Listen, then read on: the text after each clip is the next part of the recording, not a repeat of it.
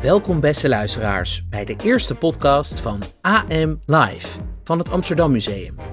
Dit is de audiosamenvatting van onze wekelijkse talkshow AM Live, die wordt opgenomen in de Gouden Koets studiezaal in het Amsterdam Museum.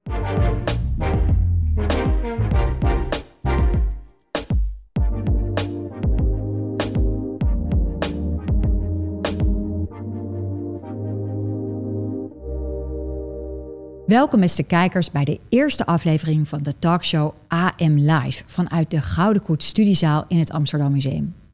Vanaf vanavond gaan we wekelijks met verschillende gasten in gesprek over onze lopende tentoonstellingen en projecten. Afgewisseld met performances en korte reportages buiten de deur. Vandaag op het programma staan een gesprek met tentoonstellingsmaker Annemarie de Wild, die ons gaat vertellen over de Gouden Koets. Daarna gaan we in gesprek met curator Maria Ray Lamslag, hoogleraar Irene Stengs en kunstenaar Naomi Pieter over de tentoonstelling die we gaan maken over de Gouden Koets. En luisteren we naar storyteller Sahant Saabdivani van cultureel centrum Mesrap.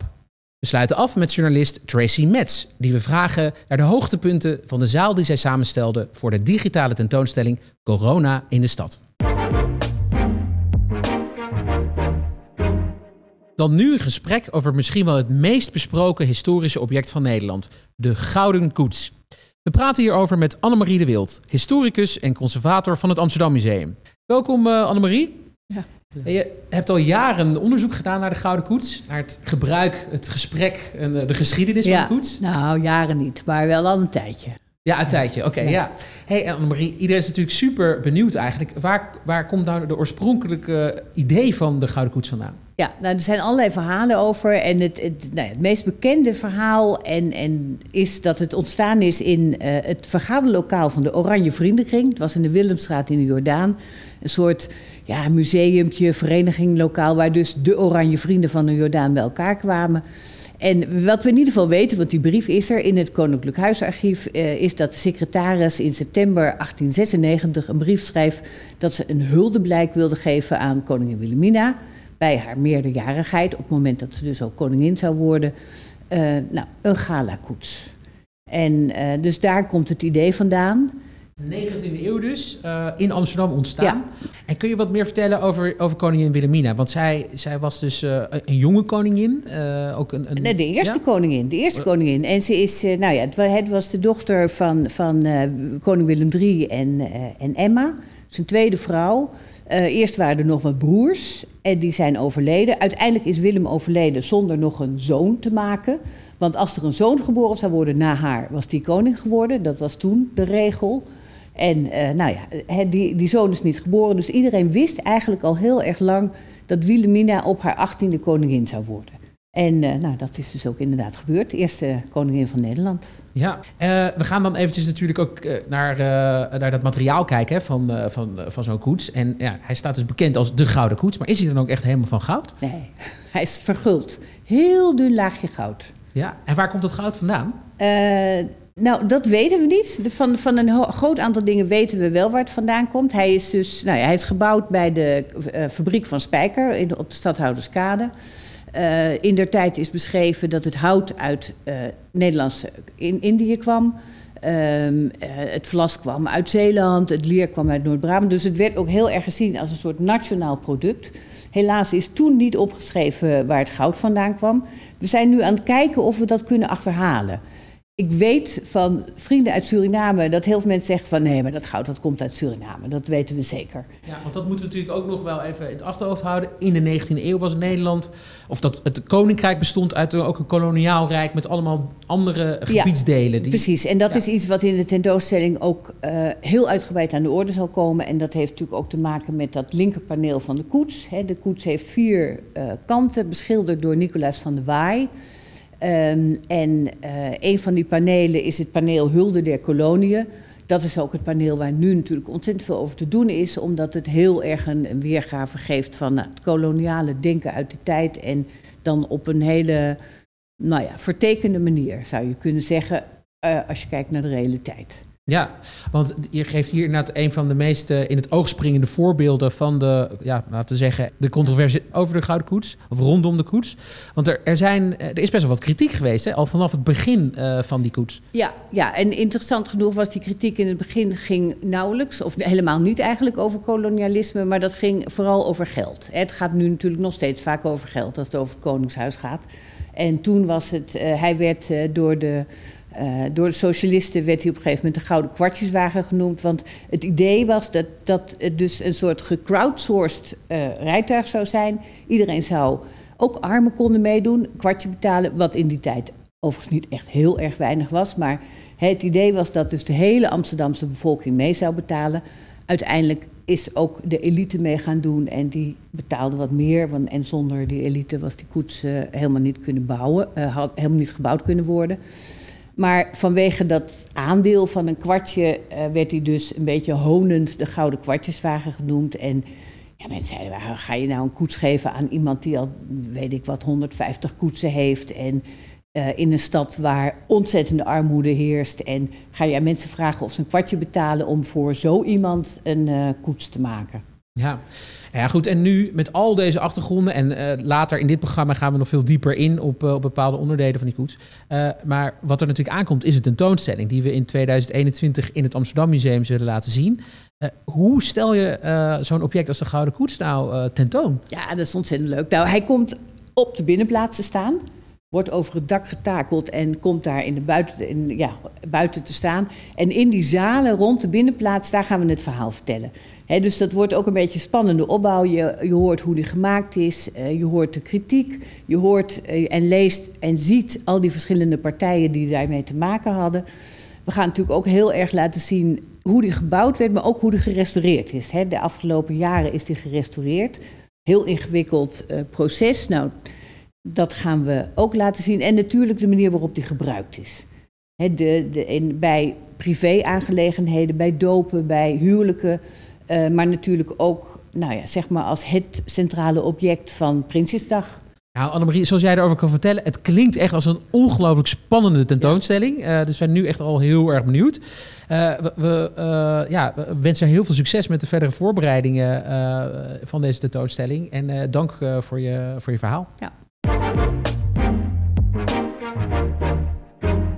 De tentoonstelling over de Gouden Koets is er nu dus nog niet, mocht u dat denken. We zijn hem nu aan het voorbereiden en dat doen we heel zorgvuldig. Want naast Annemarie werken we ook met een grote klankbordgroep... waar allerlei mensen onderzoek doen en reflecteren op wat de onderzoekers van het onderzoeksteam... weer allemaal voor nieuw materiaal naar boven halen. Daarnaast zijn er een aantal kunstenaars die opdrachten krijgen... en werken we met een groot team aan een mooie publicatie.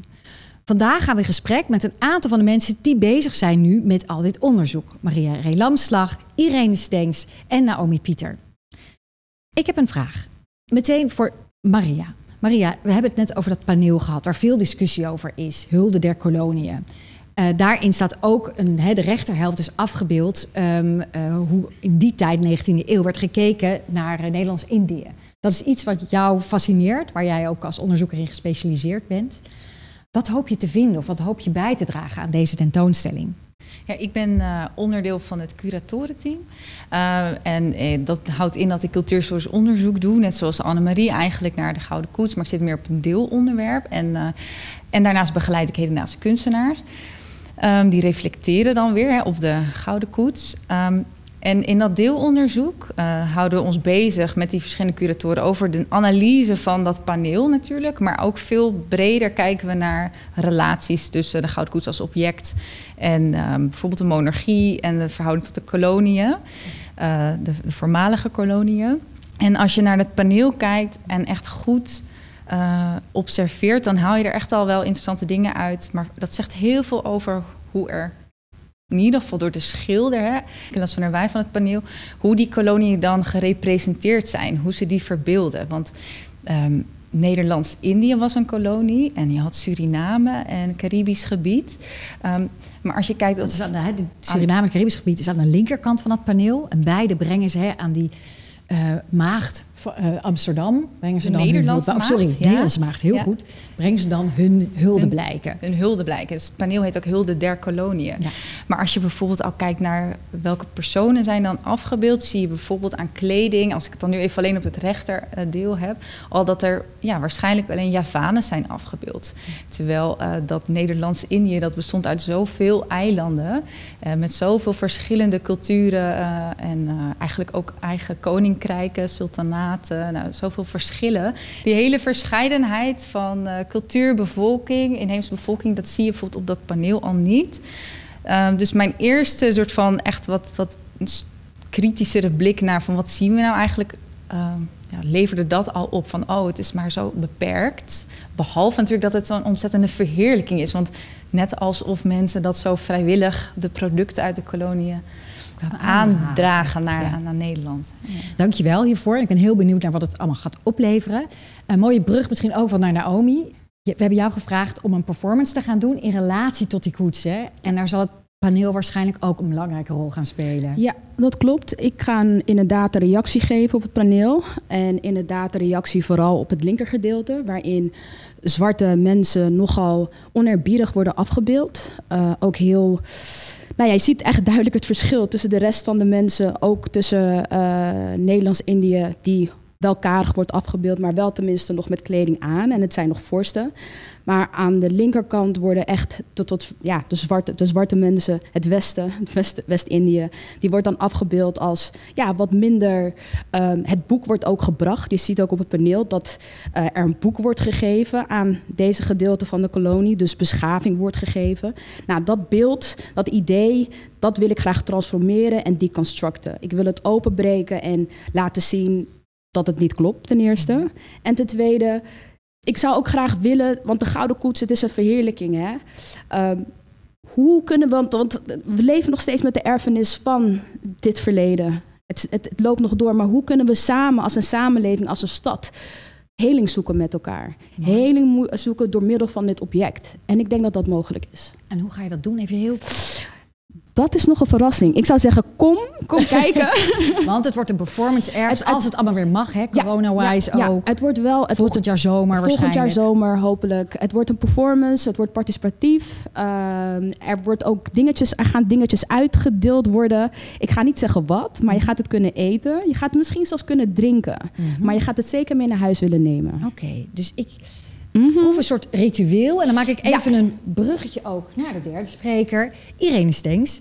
Eh, want jij bent bezig met onderzoek, en hebt dat ook al in het verleden veel gedaan, tussen eh, rituelen eigenlijk en het Koningshuis. Hè? En rituele objecten ook. Jazeker, ja, het is eigenlijk zelfs zo dat als je wil weten, begrijpen wat een koningshuis eigenlijk is, dan kom je meteen bij rituelen. Want het zijn rituelen en ceremonieën die, de, ja, die deze institutie als het ware apart zetten van de gewone mens, de bevolking, het volk, zoals je wilt. En eh, de Gouden Koets maakt in die zin dus eigenlijk onderdeel uit van een groot ritueel complex. Want je kan je natuurlijk afvragen waarom een gouden koets bijvoorbeeld en niet iets anders. Maar als je ziet, als je kijkt precies naar eh, hoe er nagedacht wordt in, die, in het eh, idee, in de mythe zou je kunnen zeggen. Niet in de zin van een sprookje, een mythe, maar, want het heeft altijd een echt effect op de mensen. Hoe monarchen zich voortbewegen, is dat altijd anders dan gewone mensen. Dus een monarch loopt niet, maar schrijdt. Er zijn draagstoelen. Je ziet eigenlijk ook dat als een eh, koningin zich een keer onder het gewone volk begeeft, zoals een keer ooit is gebeurd met Beatrix, dan is het weer heel bijzonder. En verder zie je dus eh, dat, eh, en, ja, eigenlijk zou je kunnen zeggen, privévliegtuigen, individuele eh treintoestellen, trein, eh, eh, toestellen, zo heet het, ja. Ja, treinstellen. Trein, ja, Ja. treinstellen, ja, hè, verdorie. En ehm, eh, vliegtuigen. Dus eigenlijk altijd is er een uitvergroting vindt er plaats als het gaat om mobiliteit en de koning of koningin en hoe deze zich aan het volk toont. En als je dat dan loslaat op die gouden koets, Mhm. Wat, wat zie je dan? We Nou, dan zie je net- dus bijvoorbeeld heel interessant dat in een tijd dat koetsen eigenlijk al een beetje eh, passé waren, De auto dat was in dan opkomst. teruggrijpt op een heel oud beeld, hè, een beetje archaïs, van hoe koningen of koninginnen eh, eh, zich voortbewogen. En dat is dan extra speciaal. In een auto heeft toch minder effect dan als bijna iedereen in een auto rondrijdt. En je ziet dus eigenlijk ook, en dat is interessant ook voor de tentoonstelling, hoe die koets via, door middel van verschillende rituelen ook verschillende betekenis krijgt. Dus laten we zeggen zoals de koets nu, nou eigenlijk nu niet meer, dan uh, functioneerde tijdens uh, uh, Prinsjesdag. Dat is van een veel later datum dan wanneer Wilhelmina die koets kreeg. Of ook weer een heel ander soort ritueel dan de levenslooprituelen van van de koninklijke familie. Hè, zoals huwelijk en doop. Daarvoor werd deze koets dan ook weer apart gebruikt. Dus je ziet, het is niet een eendimensionaal object wat dat betreft. Dankjewel Naomi, Maria, Irene. Dank. Uh, kom vooral ook publiek. Vanaf volgende week hebben we hier alvast een studiezaal. Wij werken met al die groepen hier op zaal. Dat is nieuw, maar we vinden het belangrijk om met elkaar in gesprek te gaan over dit toch wat complexe onderwerp. En dan nu tijd voor een optreden. Een optreden van niemand minder dan van uh, de oprichter van Meschap, een cultureel centrum in Amsterdam, wat onlangs de Amsterdamprijs voor beste prestatie heeft gewonnen van het Amsterdam Soms voor de Kunst. Sahand, welkom. Gefeliciteerd met die prachtige prijs. Dankjewel. Uh, storytelling, wat, wat is dat eigenlijk precies? Ja, dat is poëzie, dat is theater, maar vooral gewoon direct praten, direct communiceren met je publiek. Nou, ik ben heel erg benieuwd. The floor is all yours. Ik ben zes jaar oud wanneer ik een doodnormale Nederlandse jongen probeer te zijn. In mijn geval houdt dat in dat ik op de fiets zit en me keurig netjes aan alle verkeersregels hou. In mijn ooghoek zie ik dat mijn moeder aan de verkeerde kant van de weg fietst. Ik schaam me en ik zeg tegen haar in mijn Persisch: Mama, Ja, en dat betekent zoiets als: Ma, ik schaam me. Wees niet zo'n allochtone vrouw, alsjeblieft, aan deze kant van de weg. Ik heb dat nog niet uitgesproken of mijn moeder kijkt mij aan met een blik van kind. Betje, ik heb een oorlog overleefd, een revolutie, een vlucht over de bergen. Om hier in een land waar het veilig is jou op te kunnen voeden. Hier in het land waar de zon negen dagen in het jaar schijnt. Dus als de zon dan schijnt aan deze kant van de weg, dan fiets ik aan deze kant van de weg. Thuis was bij ons een appartementje in de Jordaan. Uh, niet het nieuwe, dure Jordaan van nu. Nee, een krakkemikkig appartementje dat tochtig was. En daar zat ik dan vaak in de woonkamer tegen een rode uh, verwarmingskachel aan. Uh, blauwe vlammetjes, zo dichtbij dat ik op een gegeven moment verbrandde aan de voorkant, maar nog stervenskou was aan de achterkant. Maar ja, dan draaide ik mij om en na een paar minuten was het mijn achterkant die aan het verbranden was en was het mijn voorkant die weer koud was. En zo bleef ik maar ronddraaien als een kip aan het grill of waar ik vandaan kom een shawarma. In diezelfde huis ging ik slapen, uh, heel moeizaam, want pa of baba, zoals ik hem noem, die kwam heel laat thuis. Ik lag dan in bed en uh, één oor die was nog open en die was aan het luisteren.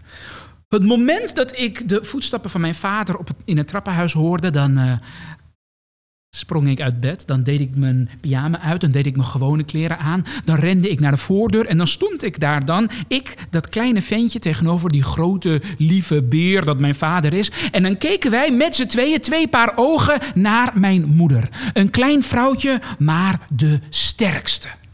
Dat heb ik pas veel later begrepen hoe dat dan kon. Dat zo'n klein Iraans vrouwtje de sterkste was. Maar met z'n tweeën waren we dan altijd net iets sterker. En die smekende ogen die deden het werk. En mijn moeder die zei dan tegen mijn vader... Ali, goed vooruit, één verhaaltje. En zij had dat nog niet gezegd of ik sprong al de trappen naar beneden. En ik stond daar buiten en ik liep daar dan langs de grachten met mijn kleine hand in die grote kolenscheppershand van mijn vader. En wanneer ik het koud kreeg, of zelfs wanneer ik het niet koud kreeg, want ik liet me graag verwennen, dan deed mijn vader zijn leren jas uit en die deed hij bij mij aan en die kwam dan tot onder mijn knieën. En zo liepen we dan. Ik keek naar zijn grote, imposante snor. Ik keek naar de oranje druppels die langs de lantaarns vielen. En mijn vader die schraapte zijn keel. En er kwam een verhaal uit. Over mijn oma, over mijn opa, over de bergen, over oude helden die met draken vochten. En die vervagende herinneringen van Iran in mijn hoofd, die kregen weer kleur. En zo gebeurde het dat ik uh, daar langs die grachten van de Jordaan met mijn hand in de hand van mijn vader, met mijn voeten op de stenen met mijn voeten op de Nederlandse grond en met mijn hoofd ergens in een Iraans verhaal, dat ik werd wie ik ben. Op dat moment nog niet helemaal een Nederlander, niet helemaal meer een Iranier, maar gewoon ik, mezelf. Een Amsterdammer. Dankjewel. Dankjewel. Ja.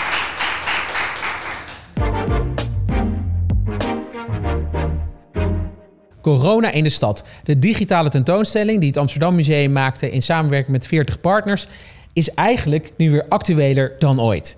Uh, een van onze gasten hier uh, vanavond, uh, Tracy Metz, journalist. Jij bent ook de oprichter van Stadsleven, een talkshow en een live magazine over stedelijk leven. Je hebt ook een zaal ingericht voor corona in de stad, de zaal Stadsleven. Tracy, waar ging die zaal eigenlijk over? Het ging over hoe we de stad hebben beleefd in deze bizarre en ongekende tijd. Waarvan we toen dachten dat is de eerste en enige lockdown. Nu weten we beter. Maar toen waren de indrukken nog fris en onbevangen. En we hebben 24 blogs in de webmagazine van Stadsleven gehad. Die uh, dankzij dit mooie initiatief van het Amsterdam Museum nu in de digitale tentoonstelling zitten. We, we, gaan even kijken, ook naar, uh, naar jouw tentoonstelling. Uh, en voor de luisteraars van onze podcast uh, kun jij ook denk ik, een hele mooie beschrijving maken van een van de dingen die is opgevallen in, in jouw zaal. Wat, heb je iets, iets voor ons meegenomen wat echt opmerkelijk is geweest? Echt uniek is de blog van tekenares Juliette de Wit. Zij is de enige die in deze hele webmagazine-serie de stad heeft getekend. En ze liep door de stad, ze ving, ze ving flarden van gesprekken op en daar ging ze dan tekeningen over maken. Uh, een moeder met haar zoon over hoe het nou is om als jongeman uh, solitair te leven. Mensen die, die het allemaal niks vinden en er helemaal niet in geloven. Ze had ook een heel leuk portret van zichzelf in coronatijd toen ze de hele tijd haar haar niet had kunnen knippen, want we mochten toen niet naar de kapper, weet je nog? Uh, dus een getekende blog, dat vond ik wel echt uh, heel bijzonder. Ze heeft ook een ontzettend leuke stijl. Mm. Ja. Wat is jou opgevallen en wat is ook jouw blik op de stad? Is die veranderd? Het is opmerkelijk. Het, we, we, het, is, het ligt nog niet zo ver achter ons. Hè? Straks weten we beter hoe we erop terugkijken en wat we vinden. Maar ik merk nu al dat die, uh, de eerste lockdown ons echt aan het denken heeft gezet over wat de stad is, wat de waarde is van de stad. Uh, en ook allemaal vragen voor de toekomst. Maar die stilte in de stad, dat viel ons allemaal op. Veel dat er foto's niemand kregen, op straat was. Lege dam en alles. straten, ja. lege dam. En daardoor kon je beter naar de stad kijken. Je kan ook beter naar de stad luisteren. Ik heb een blog van uh, Soundtrack City. Die heeft ook een zaal ja, in de tentoonstelling. Uh, die hebben opnames uit verschillende steden uh, in de blog opgenomen, maar ook van Amsterdam. Verschillende plekken in Amsterdam waar je door die plotselinge stilte ineens zo goed naar de stad kon luisteren. Maar het heeft ons ook aan het denken gezet over de stad. En of de stad is zoals we willen. Of we uh, nog steeds willen leven op, op plekken met nou ja, veel te kleine woningen. Vaak veel te veel mensen, te veel toeristen, al die, al die drukte om je heen. Wat is die drukte nou waard? Is het een last of is het juist de meerwaarde van de stad? Dus de mogelijkheid om te opnieuw te kijken naar de stad en die opnieuw te doordenken, dat is wel echt waardevol. En Tracy, daarop eh, op in, inzoomend. eh, want inderdaad, je hoort veel nieuwe oplossingen eh, die eigenlijk worden aangedragen voor eh, stedelijke vraagstukken die al speelden voor corona, maar Ja. door corona kreeg het een extra urgentie. In hoeverre denk je dat dit ook eh, structurele en duurzame ehm, eh, richtingen zijn, zeg maar? En in hoeverre gaat alles weer terug naar het oude systeem als er sn- snel een vaccin aankomt, bijvoorbeeld, wat nu wordt aangekondigd? Ja, ik denk dat een, een paar dingen van blijvende waarde zijn. We kijken nu anders naar het verkeer. Amsterdam was toch al bezig eh, de auto uit de stad te weren. We zien nu dat lopen en fietsen eh, een grote meerwaarde voor de stad hebben en ons in staat stellen om de stad beter te beleven.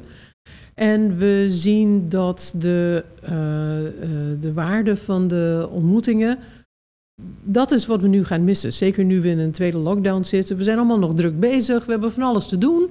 Maar iedereen voelt zich een beetje ontheemd, een beetje vervreemd. We missen, we missen de ander. En we gaan opnieuw doordenken hoe we, dat, eh, hoe we de stad kunnen vormgeven met eh, meer groen, eh, minder verkeer, zodat we de waarde van de medemensen in de stad weer aan de borst kunnen prangen. ben ik eigenlijk heel benieuwd nog naar. Hè, want jij bent echt een, een, een kenner van het stedelijk leven, hè, puur zang. Wat maakt nou eigenlijk Amsterdam tot de stad die die het is? Wat Amsterdam tot de stad maakt die het is, is, is zoiets geweldigs en unieks. En ik ben bang dat we het aan het kwijtraken zijn. Dat was nog voor corona. Dat is de mengsel van uh, goed opgeleide, internationaal georiënteerde jonge en oudere mensen en de rafelrand. De kunstenaars, de mensen uit andere landen die niet de welopgeleide experts zijn. Juist de, die mengsel van het onverwachte, uh, uh, het geïmproviseerde, dat is zo belangrijk in het maken van Amsterdam tot wat het is. En het dreigt een saaie, witte enclave te worden voor oude, rijke mensen. Dat mogen we niet laten gebeuren. Mhm.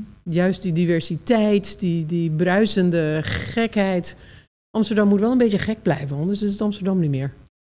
Dit is denk ik een mooi vooruitzicht ook om Amsterdam eigenlijk uh, toegankelijk te houden voor iedereen. En inclusief te houden ook voor iedereen. Want ja, daar hoort het programma natuurlijk ook een beetje bij. En de tentoonstelling Corona in de stad ook. Uh, waarin alle Amsterdammers verhalen hebben in kunnen sturen. Maar ook nog volgens mij in kunnen sturen, hè Margriet? Ja, absoluut. Het gaat gewoon door. Stuur dus, blijf insturen allemaal. Want uh, juist nu, alles wat er nu gebeurt in de stad... alles wat je meemaakt in, ten aanzien van corona is relevant. Dus stuur het in. Dit was AM Live van deze week. Wil je de hele uitzending terugkijken als digitaal televisieprogramma? Dan kan dat op onze website www.amsterdammuseum.nl. Als je wilt reageren op deze podcast-uitzending, dan kan dat door te mailen naar podcastapenstaartje En we vinden het leuk als je een review geeft op iTunes. Dat helpt anderen ook deze podcast te vinden. Volgende week zijn we er weer en praten we onder meer over de tentoonstelling Monument Regentesse van schilder Natasja Kensmil. Dank voor het luisteren en tot de volgende keer.